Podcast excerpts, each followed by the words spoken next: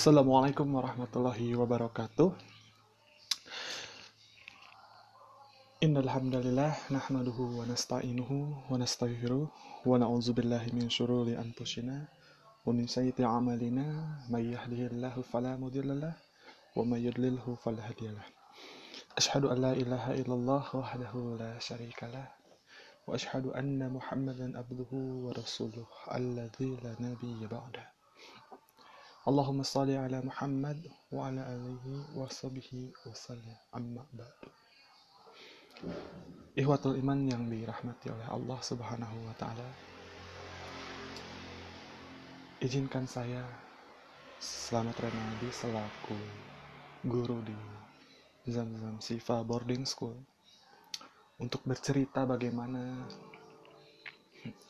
pentingnya kita atau bahkan ya mungkin dalam kehidupan sehari-hari kita sering mendengar kata maaf memaafkan gitu ya. Banyak banget orang-orang yang gengsi banget gitu buat ngemaafin. Ada kita bertengkar dengan sahabat atau bahkan rekan kerja. Atau bahkan ya dengan saudara sendiri mungkin ya. Tetapi di situ kita enggan kita mempunyai rasa egois yang cukup tinggi untuk tidak meminta maaf duluan terhadap orang yang kita benci atau bahkan orang yang membenci kita. Ya seperti halnya contoh misalkan ya, saya kalau misalkan jadi seorang guru kan mungkin tidak suka atau mempunyai rasa tidak suka ketika misalkan anak-anak didik saya itu tidak mengerjakan tugas misalkan ya atau bahkan misalkan muridnya itu dimarahi gurunya gara-gara dia tidak mengerjakan tugas atau melakukan perilaku menyimpang.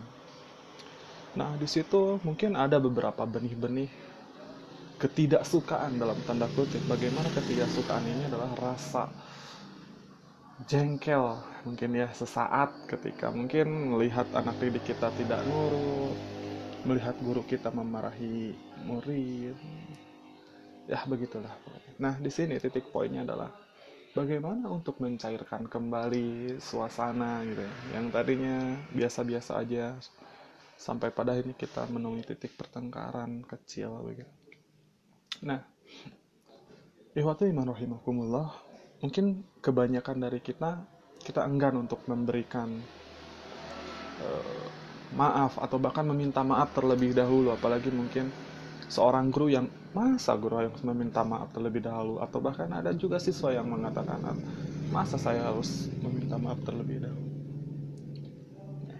Justru eh, di sini kalau misalkan tidak ada yang mengalah ini tentu akan menjadi sebuah permasalahan. Rasa tidak nyaman tidak nyaman dalam artian dalam belajar dalam bertatap muka mungkin ya. Nah jadi harusnya bagaimana begitu nah, ada beberapa riwayat menyebutkan bahwa cerita dari para sahabat Nabi di situ ada suatu hari bagaimana ketika perkumpulan majelis di situ ada Khalid bin Walid Ibnu Auf kemudian Abu Zar dan Bilal. Nah dalam satu majelis itu yang empat orang mungkin uh, salah seorang sahabat Nabi yaitu Abu Zar sedang menerangkan mungkin ya kalau bahasa kita lagi memberikan usulan bagaimana tentang uh, perlawanan terhadap musuh begitu. Nah, jadi ketika Abu Zar menerangkan taknisnya harus begini, harus begitu gitu ya. Nanti kamu ke sini, nanti kamu ke situ. Tibalah seorang Bilal yang mengatakan ketidaksetujuannya terhadap pendapat Abu Zar sahabat Nabi tadi. Bilal berkata, sungguh keputusan yang keliru. Kata Bilal, sontak Abu Zar mungkin tidak terima dengan perkataan seorang Bilal dan dia lalu berkata, dan mungkin dengan nada marah begitu dia sambil berdiri sambil dia berkata bahwa apa kamu anak kulit hitam. Ya, anak kulit hitam di sini sudah membawa ras mungkin ya. Anak kulit hitam. Kamu juga tidak setuju kepadaku sontak juga.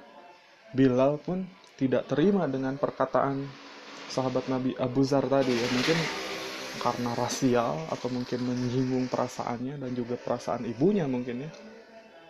Yang notabene kan kalau misalkan Bilal itu berkulit mohon maaf ya agak gelap begitu ya. Mungkin kalau sekarang itu ya mungkin kayak orang-orang negroid lah gitu ya. Nah lalu Bilal berkata demi Allah saya akan mengadukan perkataan kamu itu kepada Rasulullah Shallallahu Alaihi Wasallam. Bergegaslah karena memang di dalam majelis itu tidak ada Rasulullah Shallallahu Alaihi Wasallam maka bergegaslah Bilal menemui Rasulullah pada saat itu juga. Ya Rasulullah. Ya mungkin terjadilah percakapan. Kenapa Bilal? Lalu Bilal menjawab sungguh saya tidak terima dengan perkataan Abu Zar. Emang dia berkata apa gitu ya kalau bahasa kita mungkin ya?